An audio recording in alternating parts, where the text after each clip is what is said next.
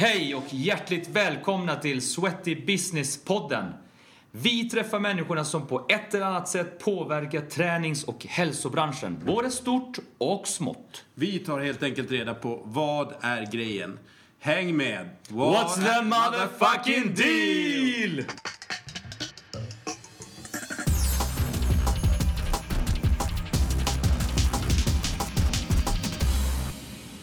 Hej och välkomna till Sweaty Business-podden. Idag har vi en eh, fantastiskt spännande gäst eh, som jag personligen har länge velat ha, ha som gäst i programmet. Nämligen Seth Bronland. Välkommen till podden. Tack så mycket. Eh, vem är du? Hur, hur gammal är du? 36 år gammal har jag hunnit bli och eh, jag har tre barn. Kommer från Skåne som säkert alla hör ganska tydligt. Ja. Eh, var är du uppväxt någonstans? Jag är uppväxt eh, till mesta delen i Skåne men jag har faktiskt bott i Jämtland, tro det eller ej. All right. Men eh, i Skåne mest. Och eh, du är ju en väldigt bred, i, både i kunskap och erfarenhetsmässigt. Men hur ser din resa ut i, kortfattat inom träningsbranschen? Vad, hur kom du in i det och hur, hur har du kommit dit du är idag? Just det. Eh, Min bakgrund är lite annorlunda så att eh, jag har bott i fosterhem sedan jag var liten och eh, det var där min identitet började inom träning egentligen. Alltså, när man inte har några riktiga föräldrar och man märker att man är duktig på någonting så blir det väldigt snabbt ens identitet. Lyckligtvis nog så var det att röra på sig som jag var bra på. Eh, Jag bodde ju på gård eh, och arbetade på gården varje dag som man får göra när man bor på gård. Eh, Och eh, nu i efterhand när man tänker på det så var det ju ganska mycket rörelse man gjorde. Man gjorde knäböj ett par tusen om dagen, ett par tusen utfall. Man kastade höbollar, man fick hjälpa till i stallet, man fick lyfta grisar. Och sen i skolan när man kom till idrotten så visade det sig fram att man var på höjdhopp och längdhopp och spela fotboll och kasta handbollar. Ehm, och då blir man positivt ehm, engagerad i det och genast känner man att det här ska jag hålla på med. Så det började väldigt tidigt och ehm, dessutom så var min fosterfar som är en, en stor idol till mig också. Han hjälpte mig ganska tidigt då när de här grisarna dog. Så var man intresserad av hur de såg ut på insidan. Och vi började dissekera grisar ihop när jag var 12 år gammal. Så då började mitt intresse för anatomi. Eh, Och eh, min mamma på den tiden som jag inte träffade speciellt ofta, det var en gång i månaden, hon var vegan. Eh, Och detta är ju på väldigt tidigt 90-tal, eh, sent 80-tal. Eh, Inte så vanligt att vara vegan på den Nej, tiden. precis. Så det var mitt intresse för kost på, på det sättet också. Så jag började laga min egen mat när jag var 12 år gammal. Och sen lagade jag mat till familjen, emellanåt min fosterfamilj. Så då började jag ha intresse för både kost och träning väldigt, väldigt tidigt. Och jag visste vad jag skulle bli när jag var 12 år gammal. Jag, jag visste att jag skulle jobba med hälsa. Som jag inte visste vad det var för någonting. För att eh, det var ju så, man frågar varför är inte min pappa, var är min mamma? De är inte hälsosamma var svaret. Ehm, och jag sa jag ska jobba med hälsa. Men jag visste inte vad det var. Nej. Idag vet jag att det är ett samspel mellan både fysiskt och socialt och mentalt givetvis. Så det betyder också att man måste engagera sig i beteendevetenskap om man ska förstå lite grann av det. Just det. Men 12 år gammal började dissekera gris. Alltså det här är, det är, ju inte, det är ju inte så vanligt. Men vad hade du något mer utöver de intressena som du redan har- har nämnt? Var det något mer som hände i ditt liv? Förutom då skolan, vanliga ämnen och så vidare och så vidare. Ehm, nej, man engagerade sig i en idrott och eh, var ganska framgångsrik. I, I boxning gick det rätt så bra. Jag vann tävlingar och var med i landslaget och sånt. Sen eh, på något sätt så kände jag att det blev tråkigt. Och sen började jag med nästa idrott och sen spelade jag handboll och det gick också väldigt bra. Och sen valde jag nästa idrott. Så att jag hoppade mycket fram och tillbaka mellan olika idrotter och var ganska lyckosam och framgångsrik i dem. Varför? Jag tror att det ligger i varför man rörde sig så bra som man gjorde. Det tror jag att det ligger i. Och kosten också. Intresset för kost så tidigt. Eh, Och jag kommer än ihåg idag, eh, jag fick nämligen en bok av min mamma eftersom hon gav mig böcker om kost också, 12 år gammal. Eh, Och det var ju mycket ve- vegetarisk mat och då skulle man då äta eh, spaghetti, russin och olivolja innan man skulle träna. Eh, Och det gjorde jag eh, i flera år. Och det var inga små portioner för att man fick cykla från gården in till det här Sjöbo som det hette där, där träningen skedde. Liksom. Det var en mils cykling in och sen tränade man handboll, boxning och styrketräning. Sen cyklade man hem. Eh, Och den där energin stod sig jäkligt bra alltså. Så att eh, det är kanske ett tips att äta det även om det smakar sådär. Kolhydratladdning. Det kan man lugnt säga.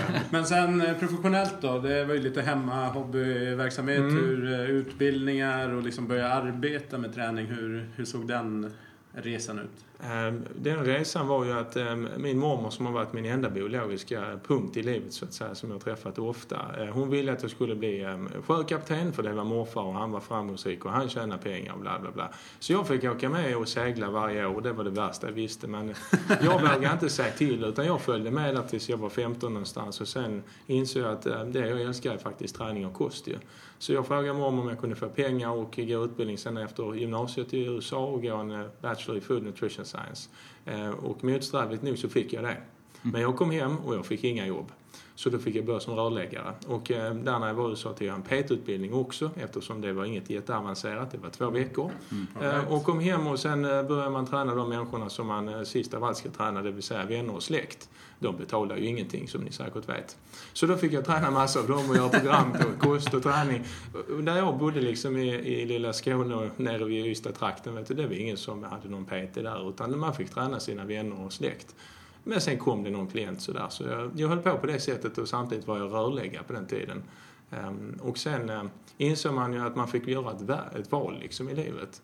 Ehm, och det valet gjorde jag 2003 tror jag det var när jag började mer engagera mig professionellt i detta. Mm. Uh, återigen frågade mormor om mer pengar, gå fler utbildningar. Så jag tog mig en associates degree i behavioral neurology 2003 eller 2004, 2005 någonstans vad det var. Också i USA eller? Också i USA på Penn State ja. Men den första utbildningen, hur lång är den? Eh, Den är ju tre år. Okej.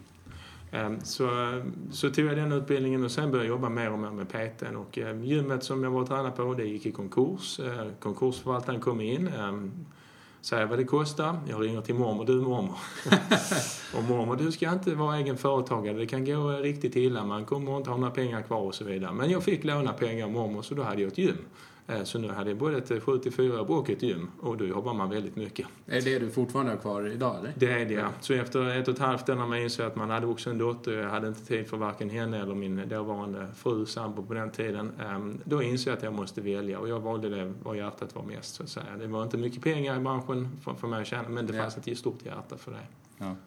Så så började resan, så att säga. Och då startade jag mitt gym som jag fortfarande har idag. 2007 eller 2008 var det. Mm. Lite mindblowing, vänta jag måste bara så här, ta in allt det här. Galen resa du har gjort alltså. Det, Det har varit mycket. det, det känns som att du har berättat den här historien ändå hyfsat många gånger.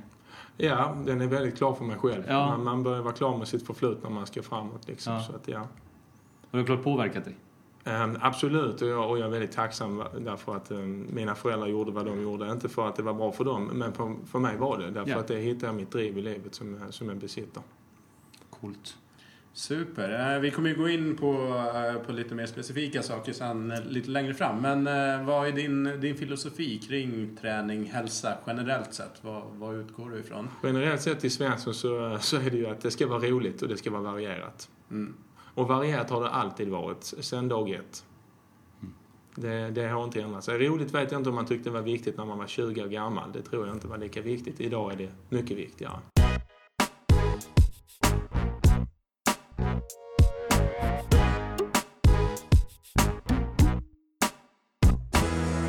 Du har ett gym. Ja, Du startade Procedos, ja. som är då mattan, eller hur? Plattform 9, ja. Ja, plattform 9. Ja, det är viktigt. mattan Ja. spelar mindre roll tycker jag. Eh, som hänger ihop då med det här 3D-träning. Mm. Och 3D-träning är ju någonting som många har hört talas om. Mm. Framförallt vi inom träningsbranschen har hört talas om ganska mycket. Och det har ju spridit sig. Ja. Gått ganska bra. Förklara för oss, vad är grejen med 3D-träning? Eh, Just det, 3D-träning eh, skulle jag vilja säga eminerar utifrån min och Andreas utbildning 3D-funktion. Det är Mm. det som har myntat det här begreppet 3D-träning. För 3D-funktion är ju eh, utbildningsföretaget. Eh, Och när jag och Andreas startade igång det här så, så var vi väldigt klara båda två om vad det här handlar om. Det handlar om individen. Mm. Och varje individ har ju ett unikt vilja och behovanalys egentligen. Och det är utifrån den träningen ska ske. Det är bara att det som vi tror jag gick vidare på var ju kanske mycket av det biomekaniska. Ehm, som kanske inte var lika spridigt på det sättet som, ehm, som, det, var, som det är idag. Att eh, foten påverkar knät och knät påverkar höften och så vidare. De här sakerna la vi in som en väldigt viktig stor del av det. Samtidigt så ehm, tycker vi ju att ingen träning är dålig. Det finns ingen dålig träning, det finns bara fel adresserad träning till fel individ vid fel tillfälle. Ja. Eh, Och jag tror en vanlig uppfattning är kanske att vi tycker att allt ska vara så här som vi gör det. Eh, Och det är en fel uppfattning därför att eh, både jag och Andreas tränar många idrottsmän i ishockey och fotboll men även de som håller på med crossfit. Mm. Eh, Och vi tycker ju fortfarande skivstångsövningar är det bästa som finns för en crossfittare. För det är det de tävlar i. Så att eh, vi har inget emot någon annan idrott. Men när det gäller just idrottarna, kanske ishockey eller handboll, så ser vi kanske inte meningen att träna med vissa implement som man har gjort traditionellt. Därför att det har inte väldigt mycket med idrotten att göra.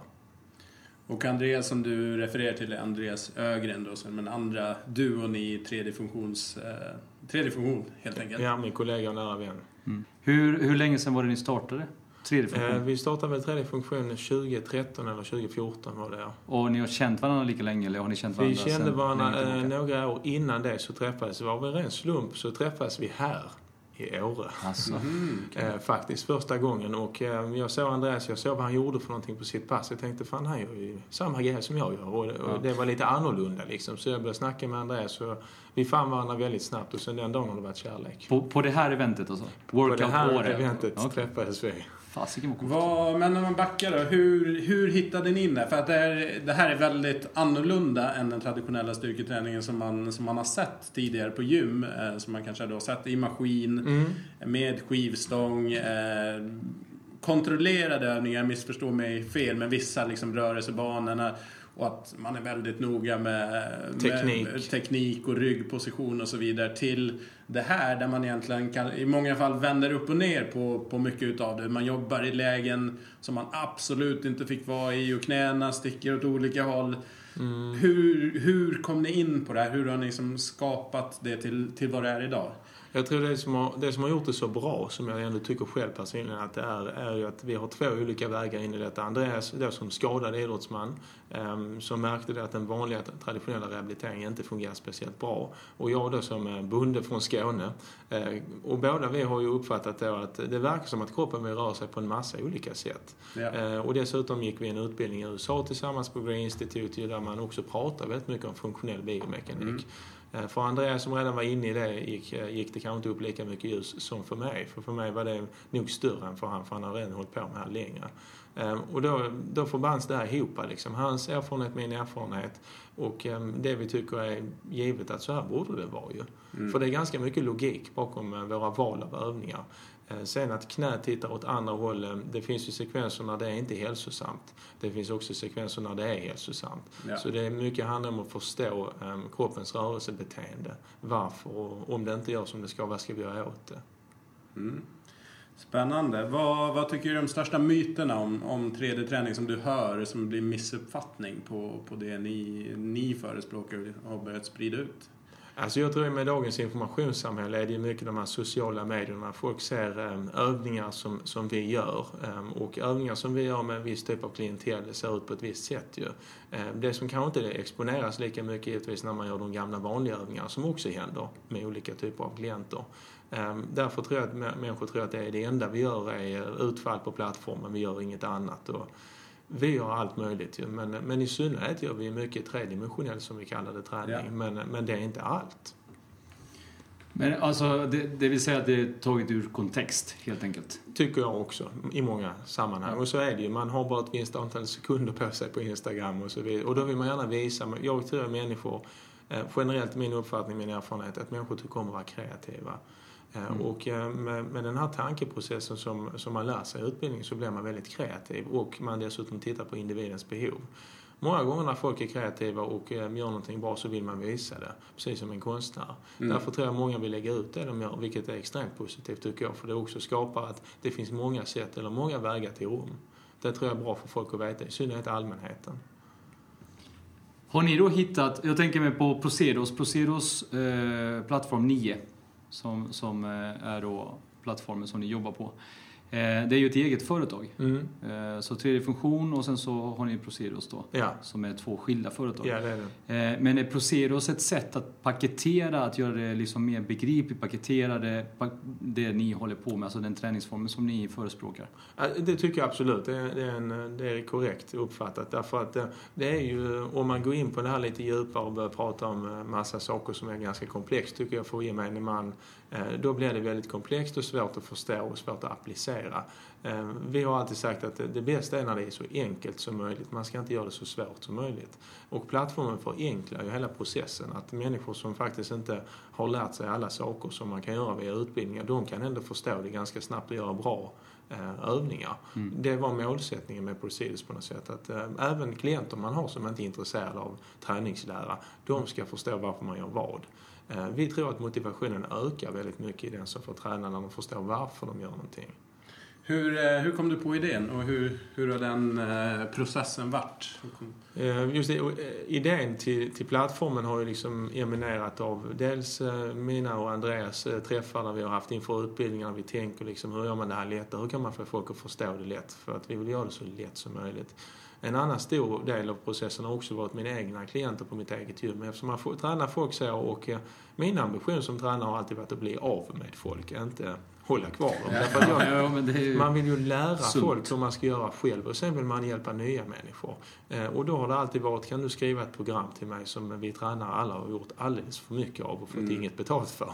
Eh, och det var så, kan, kan man inte göra någonting så de förstår det här själva? Eh, och dessutom när de förstår det vågar de göra några steg utanför. Så de faktiskt känner att de är eh, någonting som man inom psykologin kallar external locus of control. Alltså att man kan själv styra saker, inte att någon annan måste styra det åt en.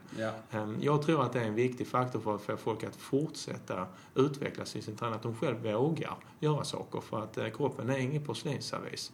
Den kan ju vara det om man har väldigt mycket ont i sin kropp och har gått sönder men i vanliga fall så vill man att människor ska bli kreativa. Och eh, som jag ser det skulle det här verktyget hjälpa dem med det. Kan inte, du, kan inte du bara förklara, det här är ju trots allt en podd, eh, svårt att visa i bild och så. Kan inte du förklara plattformen, hur den ser ut, dess, utformning, så som den ser ut idag? Ja, så plattformen är ungefär 1,21 eh, meter bred, ungefär mm. så kvadratisk ungefär.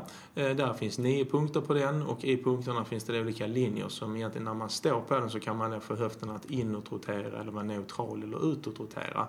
Och på plattformen finns det också vinklar. Så då kan man ställa någon i en viss position, det är siffror på den, så man kan säga stå i 1 och 9, sträcka ut din högerhand i 45 grader i knähöjd. Och då får man en viss, vad vi kallar reaktion i kroppen.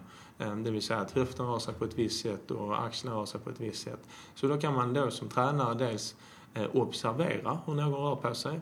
Eh, vi använder inte ordet screening längre därför att eh, screening är extremt komplext. Och frågan är i framtiden om inte det kommer att försvinna helt. Därför att titta på rör sig är väldigt komplext. Vad man däremot kan göra är att observera mönster över tid. Mm. Och i och med att plattformen är ett fundament för att observera på så blir det lätt för en tränare att se hur någon rör sig över tid. Och när man faktiskt tränar. Så utifrån de premisserna att man står på den och gör rörelser så både för klienten eller patienten eller den som står på den så blir det lätt att förstå vad ska man göra. Och för den som står utanför och tittar så blir det lätt att se och observera då, vad händer för någonting. Eh, det är så egentligen vi använder den ju. Och eh, förutom de här sakerna då, som är ren liksom PT, coaching, vad ska man säga, så är det ju också någonting som gör att man rör sig mer autentiskt. Människor rör sig bäst när de har någonting som driver till varför man ska röra sig. Ehm, så typiskt i gym så går man in i gymmet och gör knäböj med tankarna på att man ska göra ett knäböj. Ehm, men på denna plattformen så kanske det är så att man ska ta handen i en viss siffra och då gör man per automatik ett knäböj för annars kan man inte nå siffran. Och då kan man mer autentiskt titta på hur, hur rör sig kroppen på riktigt? Finns det någonting som inte samspelar? Mm. Men börjar du tejpa på golvet och sådär eller? Vad sa du? Börjar du tejpa på golvet innan börjar, du... Liksom, den här plattformen mm. är nu i, i liksom, det, det är gummi eller eller silikon eller vad det nu än är. Liksom. Den är, är väldigt snygg. Det är en speciell typ av, av, eh, av um, gummi. Ja, det är klart det. Man kan få en liten smäll av den. Lite statisk ibland. Då får man spraya den med eh, vad heter det, fabric softener, det är en uh, sköljmedel. Så försvinner ah, allt det där för evigt. Ja, ja men för vissa, jag vet inte, under vissa omständigheter så blir den väldigt... Uh, Då sprayar man ja. Och uh, varför det blir så är för att det måste byggas en viss um, elektrisk koppling mellan golvet och plattformen så man inte kan halka. Ja, den här finns i USA också. Om halkar någon i USA då har man inga pengar resten av Nej. livet. Så det är därför vi måste ha ett sånt material som produktchefen har tagit fram. Eh, själva designen är gjort eh, med oss och en designer. Så det är inte bara jag, Andreas och Jens mm. som har varit smarta utan vi har haft en designer till hjälp. Ja. För för oss var det viktigt att det här såg bra ut också. Mm, eh, extremt viktigt. Eh, men som sagt, det började i min källare när jag började tänka på vad vi, vad vi skulle göra för det här för att skapa någon, någon typ av enkel, eh, systematiskt sätt att gå igenom 3D-träning på. Så jag målade mitt källargolv eh, och jag hade det då till dels lite grannar och mig själv och lite barnen och se vad de gjorde. Och därefter kom det då ett test på min egen anläggning. Så min anläggning är inte jättestor, vi är 1200 medlemmar ungefär. Ehm, vi gav ett gratisprogram, tre övningar. Ett knäböj, ett utfall och ett man skulle sträcka ut armen. Och vad vi gjorde på den tiden då var att ge programmet gratis och av de 1200 var det ungefär 400 som ville vara med. Mm. Efter två veckor så ställde vi frågor via mail till de här människorna som det var ungefär 80 procent som svarade om jag inte minns fel, så det var inte alla. Men då frågade vi enkla frågor. Tyckte du det var roligt? Skulle du vilja göra det igen? Och fick du träningsverk? Och vi fick 92 procent ja. Och när jag fick de svaren så tänkte jag fan det här kommer att bli någonting. För folk som är helt vanliga och idrottsmän ja. tycker att det är roligt och de vill göra det igen. Mm. Så, så så kom vi underfull med att det här kanske kan vara någonting. Mm. Hur, eh, du var inne på det här med att skriva träningsprogram. För att ett klassiskt eh, PT-pass är ju ett visst antal övningar. Det är liksom inte, det är inte 200 övningar, det kanske är 10 övningar, lite mer eh, traditionella övningar, så lättare att skriva ett program. Men jag vet mm. ju på dina utbildningar så har du nämnt att du kan vara hundratals ja. övningar i ett pass. Absolut. Hur, eh, hur funkar det? Ehm, man ska alltid fråga sig från början till givetvis vad syftet är med, med den här timmen man har personlig träning eller coaching eller vad det nu är för någonting. Ehm, för om syftet är att bygga maximalt stora armar, eh, då tycker kanske inte jag att 3D-träning är det bästa man ska göra utan då kanske man ska hålla sig till klassiska bodybuildingsprinciper för de är ju bevisade, fungerar jättebra. Ja. Men om man nu vill lära en människa att röra sig mer effektivt och kanske minimera risken för skador i framtiden, i synnerhet kroniska, så behöver man göra andra strategier och eh, då behöver man gärna förstå mer människans inlärningssystem rent kinestetiskt. Och det skiljer sig väldigt, väldigt mycket från eh, de här gamla central theory som det kallas när man kan säga till någon att vara rak i ryggen och ha mm. skulderbladen här och knäna ska vara där. Eh, inlärningen på detta är lika med noll. När man tittar på riktiga autentiska situationer. Det är därför det blir väldigt svårt att förändra någons människas rörelsebeteende med de här klassiska principerna. Däremot för att få större muskler är det extremt effektivt. Mm. Så att därför ska man ju från början välja vad är syftet med timmen. Därför säger vi också att det finns inget fel med någon annan träning. Om bara syftet är att bli större använd den typen av träning. Samtidigt kanske det är bra att se till att kunna röra sig bra också så man kanske ska komplettera med någon annan typ av träning. Så man håller ihop och kan göra det man älskar. Så, så, att det du säger alltså, det är att det spelar ingen roll hur mycket jag talar om för en människa att när den gör ett knäböj eller en marklyft, att den ska se ut på ett visst sätt. Eh, när det väl kommer till kritan i det verkliga livet, när det är dags att börja lyfta någonting och de ska göra det per automatik, alltså instinktivt, så kommer inte den människan att anamma det rörelsemönstret. Har jag uppfattat det rätt då? Ja och nej. Ehm, det finns två situationer tror jag. En mm. är medveten, en är omedveten. Jag tror definitivt folk som har tränat mycket marklyft på ett gym ehm, och kommer till en situation där man ska lyfta en soffa hemma där man kan planera mycket innan man gör lyftet. Jag tror absolut de kommer att mm. följa sitt mönster. Men många situationer i livet ehm, så har man inte planeringsnivån först i hjärnan utan det kommer först i efterhand. Vad hände ja. för någonting? Eller någonting distraherar Man ska slänga in kassa i bilen och barnen springer samtidigt. Och då, då sker saker på en helt annan planeringsnivå som, som inte är den traditionella så att säga. Och det är där vi har mest ut av, av 3D-träning. Right. Eh, och det måste jag ändå säga att för de flesta människorna är det det som händer mest av allt. Eh, man brukar inte planera så mycket hur man ska röra sig, men det händer. Mm. I era utbildningar så är det ju eh, ganska mycket som kanske inte ingår i traditionella PT PT-upplägg. Det är dels, eh, nu ska vi inte kalla det då för screening, så nu är det många som screenar. I och för sig, det var ett dåligt exempel. Men vi tar till exempel lite manuella behandlingar, fascia behandlingar och sen ner på golvet och kör och sen behandlar. Det är ju många traditionella gymkedjor och så som kanske till och med avråder sina PTs från, alltså att det där kanske tillhör sjukgymnastiken. Jag upplever det lite som att PT-yrket och rehab, prehab närmar sig varandra. Mm. Eh, tycker du att det är en eh, rimlig åskådning eller? Jag tycker absolut att du, eh, att du säger helt rätt saker för att det är så det ser ut. Alltså, en gång i tiden när vi alla började som tränare så var ju syftet med det att träna folk. Bli stora, bli starka, bli snabba. Men sen börjar man och sen kommer första människan som har ont i sitt knä. Vad gör du här? Eh, Du har redan varit hos sjukgymnast och jag har fortfarande ont exempelvis. För de får bara kanske ett x antal timmar från, eh, från landstinget. Eh, Och då kommer de till oss och då blir det genast, wow, vad ska vi nu göra? Det är ingen som har sagt till mig vad man ska göra med ett knä. Och då måste vi ha lite mer utbildningar, vi måste engagera oss mer. Så det är en naturlig väg att gå. Tyvärr är det ju så att det är inte färre människor som har ont på ställen, utan de är fler. Och så många av mina kollegor, i synnerhet då är tränare, men även de som jobbar inom andra terapeutiska yrken har det ganska tufft. Liksom. De kanske inte får, som vi, timmar med människor. Vi kan få 10, vi kan få 20 timmar med människor.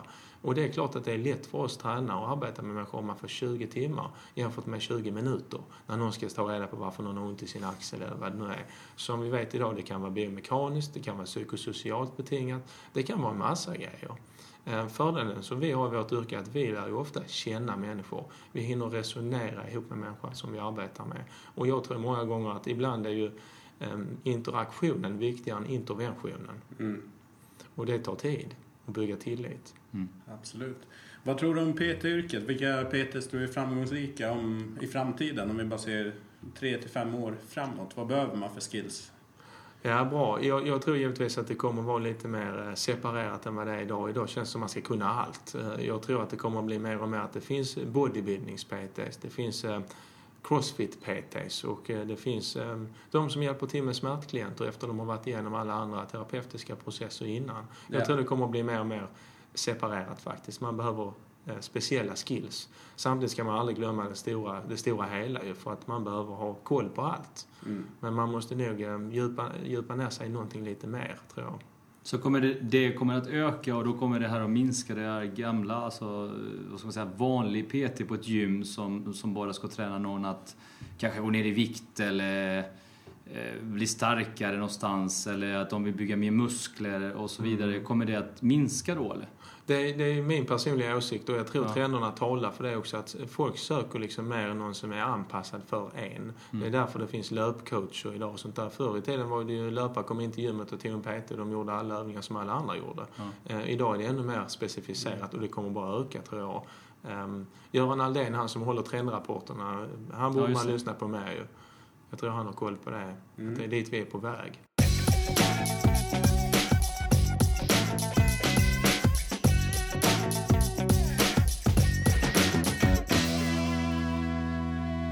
Ofta när man pratar entreprenörskap och så, så, eh, så är det ofta miljön runt omkring som skapar. Att det finns någon eh, förälder eller någon, någon, någon släkt. eh, hur, vad är det som driver dig? Du, det driver eget gym, det är Procedos-mattan, det är tredje funktion och säkert en massa andra drömmar eh, som du har. Vad, är- vad kommer det här drivet ifrån? Den största influensen i mitt liv har varit min fosterfar som har drivit gård. För det är också eget Ah, företag. det är ju absolut. Ja. Så han har drivit gård och man ganska tidigt fick man förstå liksom, arbetar man inte hårt så blir det här inte bra. så, så man fick börja jobba hårt på hans gård redan då och man insåg att det också gav frukt när man arbetar hårt. Eh, Och att det fanns vissa, ibland miljöer som avgjorde om det gick bra eller dåligt som man inte kunde styra över. Exempelvis vädret för skörden. Eh, Och jag tycker egentligen eh, företagslivet idag är samma för trenderna idag, de vänder snabbt. Ja.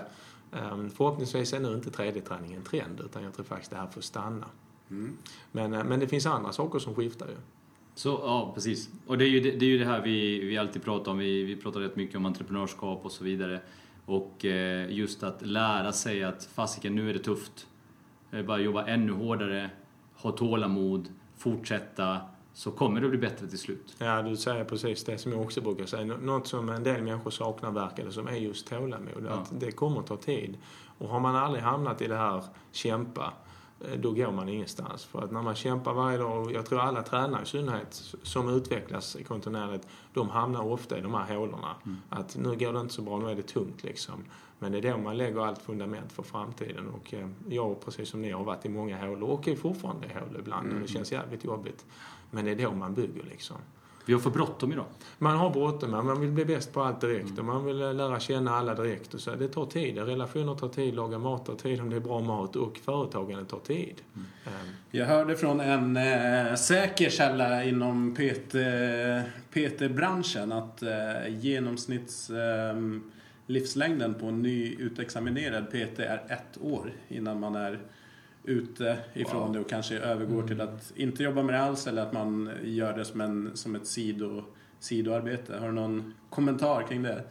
Ja, jag tycker givetvis att det är, det är lite tragiskt för att eh, vi har ju en, vi borde ha en yrkesstolthet men, men samtidigt vi har inget fackförbund, det är ett väldigt ungt yrke så att eh, det finns svårigheter på vägen. Sen Tyvärr är det ju så att det är många som börjar vilja jobba med detta bara för att de tycker det är kul att träna. Mm. Man måste nog ha en väldigt mycket djupare passion för att lyckas med det. Att, att tycka är kul att träna tycker många människor. Eh, det. Det är inte därför man ska börja jobba med det. Man ska ha en djup passion för det man håller på med.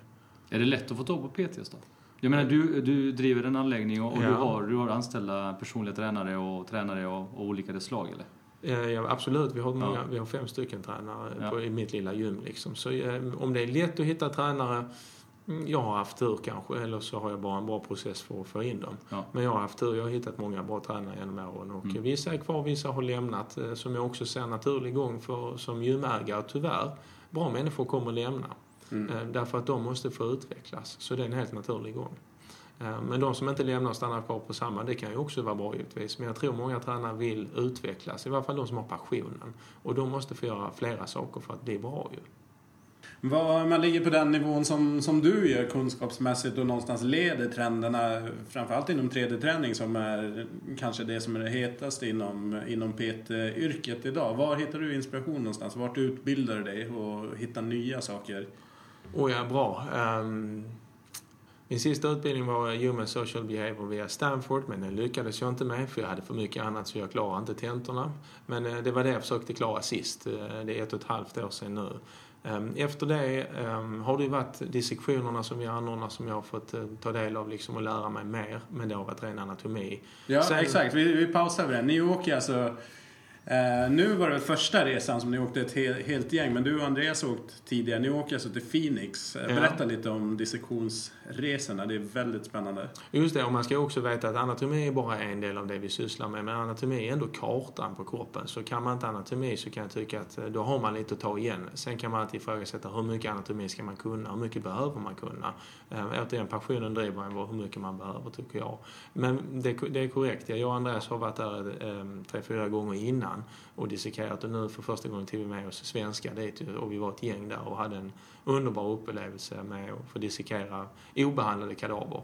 Eh, Ni åker alltså till ett labb och, eh, och får ja, skära i riktiga lik. Ja, absolut. Eh, För att förstå, alltså meningen med det är att försöka skaffa sig någon typ av X-ray vision. Alltså hur ser det ut på insidan? När jag behandlar någon, hur, vad är det jag håller i? Vet jag vilken strukturen är? Det är ganska känt att palpering, alltså att känna på någon och säga vad det är man känner på, är en väldigt komplex skill.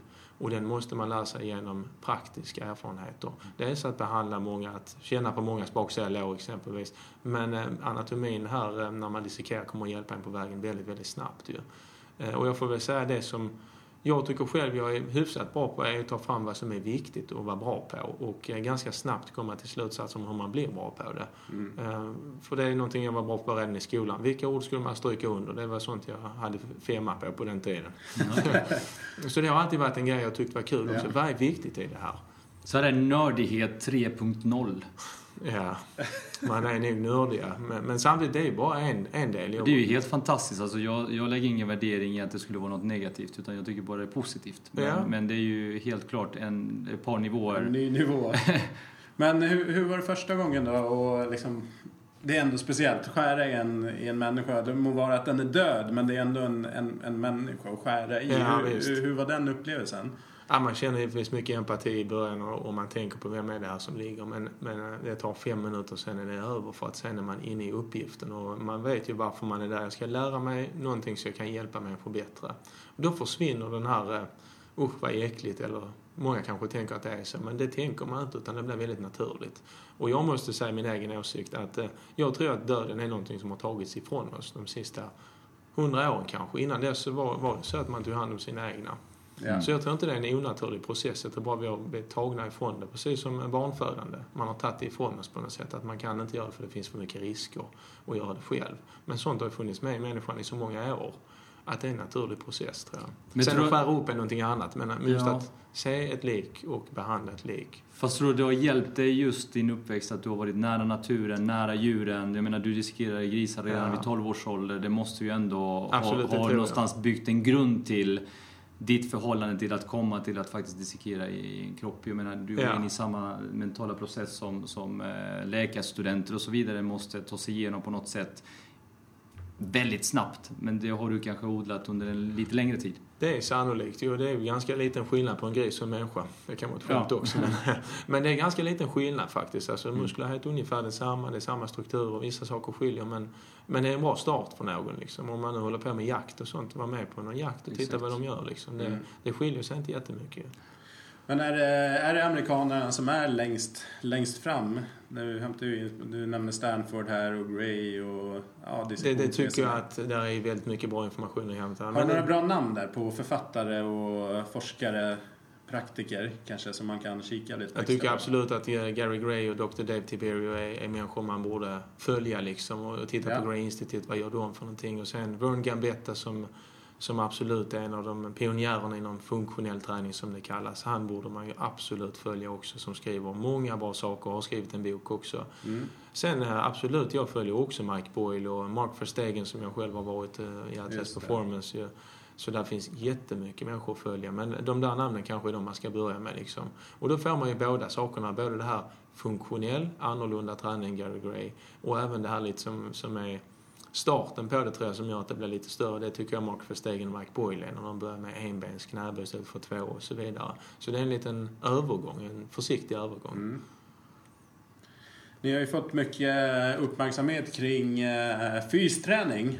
Eh, och det känns som att det är en tickande bomb, att det bara kan växa. Jag såg på någon film här när ni var med tyska skidlandslaget, det alpina. Mm. Ja, men han var kanske för både skidlandslaget och, och det alpina. Eller så de Det olympiska. Mm. Ja. Hur som helst. ehm, hur märker ni att, att det börjar ta för sig? Att de här idéerna börjar sprida sig?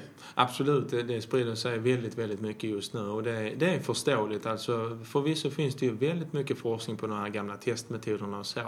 Eh, Men när praktikerna själva, jag menar, det som är intressant är att man måste faktiskt lyssna på praktiker och empiriska bevis också. När praktikerna säger att det spelar ingen roll hur mycket någon tar i knäböj, man blir ändå inte bättre skidåkare. Ofta ligger det någonting i detta ju. Mm. Eh, Jag menar praktikerna har ofta noterat saker över lång tid men utan att säga det till någon. Forskarna däremot har gjort en studie och försökt visa en sak. Ja. Och, äh, forskning är jättebra. Man måste bara fråga sig vad är frågan som man har ställt och vilket svar gav man och vad har det för praktiska implementeringar egentligen. Så all forskning är bra. Det är bara frågan vad är det för fråga de ställer. Och eh, därför, när man nu som tyskarna gör redan idag, det att man har en praktisk del då, de här olympiska atleterna blir tränare och praktiker och sen har man en del emellan som är den här Head of Sport Science och sen har man forskare. Och där finns alltid en bit emellan då som man kan diskutera praktiker, diskutera forskare, diskutera och då kommer man fram till slutsatser. Deras egen slutsats är eh, de här traditionella fystesterna leder inte oss till någon bättre prestation i skidåkning. Eh, Därför måste vi hitta på någonting annat för det känns ibland som att vi tränar på testerna som inte verkar ha med skidåkning att göra. Eh, Därav så såg man då Mattias Agin och Andreas och de tränar och man blev lite intresserad. Vad håller de på med egentligen? Så därför åkte vi ner förra året ehm, och gjorde en endagars och där var ju en av deras största stjärnor som hade ryggproblem. Eh, de började göra lite övningar på plattformen. Eh, av någon tur, av eh, skill, försvann ryggsmärtan. Hon åkte och vann VM-guld och det blev världens grej givetvis. Så nu åkte vi ner där i tre dagar och fick verkligen leverera allt det här tankeprocessen bakom liksom med movement variability, att kroppen rör sig på massa olika sätt i samma rörelse och så vidare. Och eh, jag tror detta kommer att fortsätta i alla våra branscher faktiskt. För att det viktigaste blir om man nu har en idrottare så vill man ju testa saker som är relevant. Och man vill träna saker som har en transfer till idrotten. Mm, Om man tränar på saker som inte har någon transfer så tränar man väldigt ospecifikt. Vilket inte betyder att det är fel. Det betyder bara att frågan är hur mycket tid vi ska lägga på ospecifika saker och hur mycket ska vara specifika. Jag tror det har gått fel någonstans från början när man såg att någon hittar på tre bra övningar och sen var de bra till allt tydligen och jag tror inte att fallet är så. Men var det, alltså... Du är ju väldigt ödmjuk i den här frågan, men eh, var det skills eller var det tur? Eh, det kan inte jag svara på för det är inte jag som har gjort det. Hade jag gjort det hade jag sagt det är skills och tur samtidigt och eh, empati och emotionellt samband och eh, hade jag sagt. Ja, Mm. För det är det. jag förstår.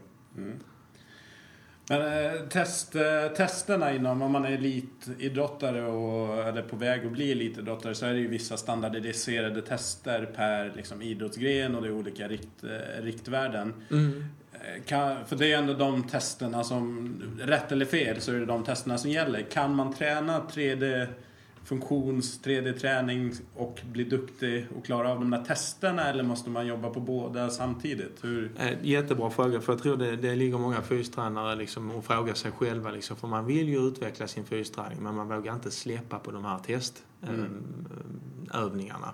Och eh, det finns egentligen två vägar att gå. Jag tycker personligen, min åsikt, man kan träna 3D och prestera bra ändå. Det har jag sett flera gånger om, både på olympisk nivå och på nationell nivå. Men det betyder inte att man ska sluta göra de övningar om man känner sig osäker. För man måste också tänka att att vara tränare, att vara coach, det är en konst. Det är inte bara vetenskap. Vi tror att allt vi gör är vetenskap. Tyvärr är det inte så. Utan att vara coach är en konst och vetenskap samtidigt. Och då måste man blanda. Så eventuellt är det så att någon kanske tycker det känns bekvämare att ha en dag i veckan man lär dem att göra sina testövningar. De andra dagarna gör man en annan typ av träning, exempelvis 3D-träning. Ehm, Så, så vet man att de är effektiva i alla fall på att kunna göra de här övningarna. Inte nödvändigtvis måste man träna på de övningarna för att bli bättre på dem hela tiden. Konstigt nog. Eh, Jag tror dock är att man kan träna på de övningarna och bli bättre på andra saker. För de är väldigt specifika och ofta handlar det om belastningskurvor och sånt, att man ska kunna belasta mycket mer. Och jag tror det här med, om man belastar för mycket så blir man väldigt rigid i, sitt system. Att man är väldigt spänd i systemet när man Ja. gör just det. Och idrotterna, om det nu inte är tyngdlyftning eller crossfit em, eller någon annan typ av styrkelyft, då, då behöver man inte just de kvaliteterna. Så man borde ju inte testa det överhuvudtaget kanske för en del idrottare, men man kommer ändå göra det. Det betyder också, tycker jag, om man är väldigt atletisk, då ska man klara av att göra de testerna. Det tycker jag absolut Ja. man ska klara. Sen eh, kanske man ska tänka om någon är 35 år gammal, varit professionell idrottsman i 10 år, ska han verkligen behöva göra det igen? Finns det risker med att testa någons max? Det tycker jag. Så jag tycker kanske i en viss ålder ka- kanske man ska slippa det. Det. Men i synnerhet ska man titta på idrottsprestationen. Och eh, idag, exempelvis i fotboll, som är ganska välstuderat eftersom det finns mycket pengar, eh, så vet man att de bästa testerna för att avgöra om någon är duktig på fotboll är repeated sprint ability, coordination ability, alltså det man kallar eh, agility. Ja. Eh, och executive function, alltså planeringsnivå och taktik. Det är de tre sakerna som avgör om man är duktig fotbollsspelare eller inte. Inte om man hoppar högst eller om man lyfter mest. Och vi kommer att komma fram till fler och fler sådana typer av tester som är mer relevanta. Och då kanske över tid försvinner de här gamla, vem vet? Finns det några tränare då som har vågat eh, liksom gå hela vägen och skippa de här gamla testerna? Absolut, det finns det. eh, Både i allsvenskan och det finns i andra länder också där detta sker idag. Det är ju häftigt. För jag menar, det är den utveckling som behövs om, någon, om en förändring ska ske. Ja, som sagt, men detta är inte nytt. Jag tror fotbollen är ett bra exempel eftersom där är, alla vet vem tränarna är om man har tittat lite fotboll. Eh, Så exempelvis den här portugisen i Chelsea, vad heter han nu igen? Han var ju... Mourinho? Mourinho. Ja. Du vet Brian bättre. Jag är helt kass på fotboll. Han är vidare i Manchester United, men han var i Chelsea i många år. Ja. Han var ju väldigt kontroversiell. Eh, Utifrån eh, en vän till mig som jobbar i Chelsea som massör så slängde han ju ut alla skivstänger och tunga vikter. Och det har han tydligen gjort i alla klubbar. Så han har, han har alltid varit emot tung styrketräning. Right. Eh, Det är, men det är ett sånt, en ytterlighet. Jag tror det kommer att bli vanligare och vanligare. Men det är roligt att se på att det finns så många olika typer av coacher och deras olika tekniker. Man kan nå framgång i vilken teknik man än har. Eh, tydligen. Så det finns inte något rätt och fel här. Däremot finns det, det här är mer logiskt och det här är inte lika logiskt. Och sen får man ju välja vilken väg man väljer. För att eh, det är komplext att avgöra. För jag menar samtidigt som ett helt lag ska prestera, hur mycket är fysträning av den prestationen? Hur mycket är, hur mycket är lag, la- lagandan av detta? Och så vidare. Det finns så många frågor man kan ställa sig och ingen har svaret utan det är en Nej. ganska stor gråzon. Men hade den- jag, hade jag varit fystränare hade jag givetvis valt våra metoder för de tror jag absolut mest på. Ja. Ja. För den stöter man ju på ibland. Jag är ju eh, med och håller i en del av de praktiska delarna kring träningslära 1 på Hockeyförbundets, Mm. Stockholms Hockeyförbunds utbildning. Och då är det ja, grundläggande styrke eller fysträning för, för hockey. Mm. Och då är det ju flera, för att jag visar ju mer åt hållet men försöker hålla det ganska enkelt för att det är lagtränare, föräldrar som inte har så mycket tid och inte så mycket kunskap heller. Men då blir ofta de som är skeptiska, många tycker att det kanon, de ser direkt att ah, men det här är ju mycket, mycket rimligare sett till vad, vad det är för sport. Men så finns det de här som bara, ah, men det är ändå ganska många som kommer till NHL och tränat på det gamla sättet. Mm. Um, man, det är lite svårt, svårt att möta den. Jag har ju en, en idé i min skalle kring, kring, de, kring den grejen. Men uh, har du någon, någon kommentar på det? Um, ja, alltså i denna världen vi lever av Newtonian physics och forskning och reduktionism så får man säga att ja, det är tyvärr så det är. Det finns ingen forskning som säger att så här ska man träna. Mm. Utan uh, det finns däremot massa um, saker man kan titta på historiskt och säga så här var det förr och detta har funkat. Um, skulle man göra det med fler saker så tror jag vi hade legat dåligt på det var vi är idag. Om man tycker allt som hände förr i tiden var bra. Ja. Um, det funkar men det är inte alltid det blir så bra i slutändan. Men uh, vi kan inte stå och påstå att så här ska man göra. Däremot kan man alltid öppna upp för diskussioner och se vad som är mest logiskt. Och um, givetvis ska man titta på forskningen och se finns det några tendenser som visar på att det kanske är, är så att de här stora belastningarna kanske har korrelationer med skador. Jag tror idrottsmedicinen för några veckor sedan, eh, idrottsmedicinska vårmötet presenterade väldigt mycket sådant material. Mm. Så eh, det går eh, på, vad ska man säga, 3D-hållet när det gäller forskning också. Och det kommer bara fortsätta. Så som förälder tror jag man man får, man får göra ett val, eller som tränare får man göra ett val vad man tror på. Men mm. återigen, man bör absolut ha ett öga på forskningen. Ja. För det går åt detta hållet. Coolt, för det är också en grej som, som ibland kan stöta på kring 3D-träning. Att man, det, inte, det, finns ju mer forskning på traditionell träning och, eh, och så stöter man på det. Ja, men undrar vad forskningen säger om det här medan ganska mycket är baserat på ja, observationer och praktiker som är, som är där ute och grejer funkar. Tycker jag man gör det lite för svårt för sig själv att man hela tiden ska vänta in någon forskning utan man ja, men testa och se om det funkar. Eller? Eh, jag, jag tycker absolut eh, i vissa fall att det är så, liksom, att man ska vänta till forskningen kommer och så vidare. Alltså, det, jag förstår de som tänker så faktiskt. Det, det gör ju att man vill vänta på forskningen. Samtidigt så så finns det alltid naturens lagar och de ljuger inte liksom. De kommer vara samma idag som de är imorgon. Och eh, om man bara förhåller sig väl till naturens lagar och förstår hur det funkar så, så blir det väldigt logiskt på något sätt att vad man bör välja.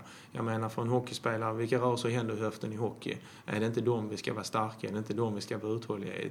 Och brukar man vara på två fötter rakt upp och ner med vertikala krafter? Den frågan vet vi att alla kommer svara nej på, för så är det ju inte. Så varför ska övningen se ut så? Mm. Mm. Eh, jag tycker det är mycket logik bakom det men det finns också mycket forskning som tyder på att eh, vi borde göra saker annorlunda. Men eh, samtidigt finns den gamla forskningen som säger så här kan man också göra. Men, men alltså, och det här är ju, det är ju svårt också för jag menar du... Jag menar, du är ju egen företagare, du är ju entreprenör. Ja. Så jag borde sälja på det här bättre? Nej, men alltså det, det jag menar är att, att ska man vänta på forskning hela tiden då kommer ju ingenting hända. För det, det, det är ju någonstans måste det börja, det är hönan och lägget. Alltså lite så måste man ju förhålla sig till det. Och du säger, jag menar, du utgår ju från dig själv som praktiker. Ja. Det är det jag säger. Och det, det jag tycker personligen är fantastiskt med faktiskt människor som praktiserar det de predikar, eller vad man ska säga. Eh, sen får man ju liksom, ja men forskningen får väl komma i efterhand då, men någonstans så måste vi ändå kunna utveckla saker utifrån erfarenheter, utifrån en, ens egen praktik, utifrån er, ens egna eh, utövande på, på sina egna patienter eller klienter eller om man nu ska uttrycka sig. Och sen så, sen så får man ju liksom... Sen kanske det finns en övertro på att forskare är smartare, eh, smartare än vad du och jag är. Nej, de är bättre på att forska. Ja, de är ja, inte precis. smarta på att förstå hur folk rör sig, vad som är effektiv träning, vad som inte är effektiv träning. Mm. Utan de väljer en tes och den besvarar man. Ja. Eh, om man läser hela artiklar så ser man att de här teserna är sällan relevanta för oss som är praktiker. Ja. Det är inte så lätt. Mm. Så att eh, tro att eh, vissa människor är smartare än andra är inte alltid en bra strategi. Utan man bör titta på vad, hur ser verkligheten ut och hur ser erfarenheten ut. Sen finns det också människor som har gått med stängda ögon i 20 år, givetvis. Finns det mm. det som säger så har man gjort och det funkar. Mm. Men alla är inte så. Nej. Men sen är, sen är det ju så här, det är klart alltså människor som kommer ut med grejer och säger så här, ja men nu, du kör 20 minuter av det här så kommer du bränna 1000 kalorier och mm. eh, det finns ju massor med sådana grejer. Eh, det förstår jag ju. Ja. Men någonstans så källkritiken bör ju vara mer också på individnivå. Vad har den här personen gjort innan och varför kan jag lita på det den säger? Och så vidare och så vidare. Det kan man ju faktiskt ta reda på. Men jag tror också att det, det, det, hänger ihop med, med att vara innovatör och entreprenör. De som ligger i framkant blir ju oftast mötta. Alltså det första reaktionen är ju oftast att man ja. är skeptisk till någonting helt nytt. Ja, men vad är det här för någonting? Och sen efterhand så visar det sig, ja men alla innovationer inom sporter. V-stilen i, i, i backhoppning, du har Fosbury Flop i, i höjdhopp. De var ju utskrattade första gången när de, de gjorde det. Men sen, oj, det där var mycket bättre. Han hoppar ju mycket längre. Och så helt plötsligt så jobbar alla så. Jag tror att det är lite det, alltså en sån tipping point. Att, Och jag har varit med om det innan. Jag tog in Teriksen till Sverige 2008 eller 2007 när det var. Och jag, eh, jag måste säga det var rätt tungt. Jag blev häcklad, jag blev hånad. Det är bara skit. Idag har alla ju med TRX. Idag är det inget konstigt någon står och gör ett knäböj med TRX. Men på den tiden när man tog in det, då blev man verkligen hånad. vad var skepsisen där då? Va, vad har du för forskning var först det? För jag fick massa Ja, saker på Facebook. Vad har du för forskning bakom att det är effektiv träning för en idrottsman? Eh, vad är hypertrofiforskningen? Vad är kraftutvecklingsforskningen? Du har ingen. Mm. Det här är pseudovetenskap som man eh, sa. Mm. Så att jag har fått höra mycket och jag försöker att höra ännu mer. Men eh, samtidigt, jag, fa- faktum är att jag skiter i vilket. Jag gör vad jag känner är rätt och jag, jag känner att jag har koll på vad jag håller Ja, på är med. Ehm, Så att ehm, jag har varit med om det innan och ja, så är det bara. Mm. Men eh, samtidigt är det alltid vettigt att vara skeptisk givetvis. Det ska man vara. Men man ska också vara det tillräckligt smart alltså. Vad är du skeptisk mot? För- Jag är skeptisk mot... om Alltså någon- jag, om någon- jag tänker om vi, om vi säga- håller oss till träning och, och Ja. hälsa. Om någon kommer in och säger till mig, så här är det. Då går jag åt andra hållet. All För då right. har man fan inte läst på. Nej. Nej. Det, det är det. Det finns ingen träningsform eller någonting, någon trend eller någonting som har liksom kommit upp som du känner liksom, nej men det här är humbug. Uh, nej, alltså, nej, det är svårt att avfärda grejer. Därför att man måste förstå hur människor fungerar. Alltså, det här med liksom fys är lätt och, och förstå biokemiska saker är lätt. Men, och jag menar, det är reduktionismen. Så forskar man idag. Man tar ut små delar, forskar, stoppar tillbaka igen. Så här funkar det. Vad som inte finns med i den delen är känslor till exempel. Är känslor viktigt för hur träningen går? Är känslan viktigt för hur laget spelar? Alltså ja, men hur mäter vi det? Därför är det väldigt svårt att avfärda en massa grejer. För att om en människa tycker om en viss träningsform som inte är rent destruktiv för kroppen, klart som fan det kan vara hälsosamt och bra för dem. Mm. Klokt. Topp. Vad, eh, har, ser du några trender? Vad tror du om, eh, ja, egentligen helt öppet inom träning, hälsa. Vad, vad tror du kommer, kommer bli nästa grej? Eller vad, vartåt går det? Jag, jag tror som sagt att det blir mer och mer separat. Jag tror i framtiden att det finns eh, mer anläggningar som är mer orienterade bodybuilding, anläggningar som är mer orienterade idrottsfys, liksom. anläggningar som är mer yoga, anläggningar som är mer cykel och löpning. Det tror jag är framtiden och eh, jag tror det är, både bra och dåligt. För min del så tycker jag faktiskt personligen att det är dåligt för jag tycker om när människor är ihop. Oavsett om de har olika intresse. Eh, det. Så därför tycker jag det är lite dåligt men eh, det är så jag tror det kommer se ut i framtiden Mm. faktiskt. Ett, ett tag till. Yes. Ja, men jag, jag kan bara hålla med. Kollar man internationellt sett så är det ju väldigt mycket, särskilt i USA som... Inom, de, vi återkommer ju till det, men i USA inom, inom träningsbranschen så, så är det det mesta som kommer därifrån och som får genomslag. Men där är det ju väldigt mycket Det är nischat liksom. nischat. Mm. Du har cykelstudios, du har yogastudios, du har pilatesstudios. Du går till en expert inom respektive område och kanske har fler olika medlemskap så att du, det är inte bara ett medlemskap Nej, och sen får du allting under samma tak. Och jag tror som sagt det negativa är det med att man missar hela bilden. Ja. Eh, Så jag tror vi kommer tillbaka, eller så vi sitter här om 20 år igen, då kommer vi säga nu är vi Ja, ja. tillbaka igen när alla kör saker ihop. Full serviceanläggning. Hur mycket, Ja. hur mycket tror du ehm, alltså krafter utanför själva branschen, alltså vad ska man säga, kärnan, inte tränare och inte eh, terapeuter eller inte eh, fysiologer, forskare och så vidare. Eh, om man tar bort dem och tittar på hur det ser ut exempelvis om vi varumärken som Under Armour eller Nike, Reebok och så vidare. mm. Eh, hur tror du att de kommer påverka de, kommer att Framtiden. förs- de kommer att försöka, det är en sak som är säkert. Ja. Jag menar, Nike har väl redan varit inne på löpningen ganska mycket och så här. Och Mm. Det kommer bara fortsätta. De kommer att försöka nischa sig in på vissa delar i träningen också, jag är övertygad om. Mm. Eh, Men det kommer ju vara en ekonomisk vinst för dem i vissa fall, i vissa fall kommer det inte gå. Eh, Men jag tror inte det kommer att påverka hur träningen kommer att se ut. Det tror jag inte, jag tror inte de försöker göra det. Jag tror de försöker hänga ihop med någon de tycker om så att säga. Mm, ja, men rida på vågen lite. Ja. Ja, och vara ihop liksom. Så här, Och det är i och för sig bra att framtiden handlar om samarbete. Att folk börjar fatta det är bra att samarbeta liksom. Och jag menar kroppen är ju 50 miljoner celler. Man tittar sig i spegeln på morgonen och säger så här ser det ut. Nej, det är egentligen inte därför att det är 50 miljoner celler som samspelar. Mm. Och det är just samspel som är i naturen liksom. Allt ska samspela. Så det är bra om folk börjar jobba mer ihop. Mm. smartare? Och avslutningsvis då, vad, vad är dina planer då? Om det inte är något hemligt såklart, men eh, vad, vad, vad planerar du framåt? Alltså jag eh, måste säga att jag planerar inte jättemycket. Jag har aldrig planerat så mycket i mitt liv. Jag är ingen planerande människa på det Nej. sättet att jag tänker vad jag ska göra om 15 år. Utan eh, jag kör på, eh, jag läser, jag utvecklas, jag är med min familj, jag gör allt som jag tycker är roligt i mitt liv och sen ser vi vad det leder någonstans.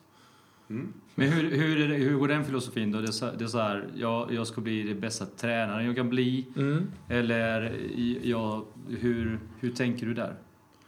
Alltså, det finns bara en sak rent professionellt och det är att utvecklas mera. Det betyder att läsa mera, erfara mera saker, vara på fler ställen, föreläsa inför andra publiker, få träffa nya människor. Som jag tror, oavsett om man är i denna branschen eller inte, det är vad livet går ut på. Mm. Att bara ha mycket vänner liksom och få göra någonting man älskar. Eh, Så jag vet inte var det kommer sluta eller var det går någonstans. Men eh, som det känns idag så känns livet bra och jag vill bara fortsätta ha det så. Härligt. Om man vill eh, följa dig i din, din resa, var, vilka sociala medier finns det som man kan, man kan hänga med på din resa? Eh, Det finns ju Instagram och det finns då Snapchat som jag också har börjat med där enligt vår PR-konsult säger att det är viktigt. Så Snapchat kör jag väldigt mycket Ja. på och Instagram eh, försöker också vara väldigt aktiv på så gott jag kan. Mm. Och det är ditt Och Facebook, namn. ja och mitt namn Seth Ronald bara utan prickar och streck Och då och kan man ju följa även dina företag kan jag tänka mig. Ja, kan man också. Det hittar man dem Proceedus 3D-funktion eh, och sen andra konsulter, inget sånt företag. Men då kan man följa dem. Så där försöker jag lägga ut dagligen vad jag hittar på liksom. Det mest professionellt, eh, lite privat men inte så mycket. Nej. Super, stort tack för att du ville vara med. Stort tack så tack. mycket för att jag är med.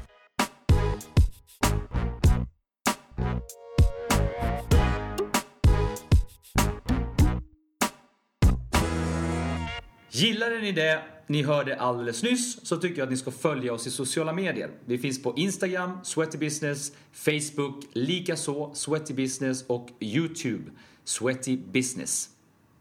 Och vill ni komma i kontakt med oss via mail så kan ni mejla till sweatybusinesspod med ett d snabel gmail.com.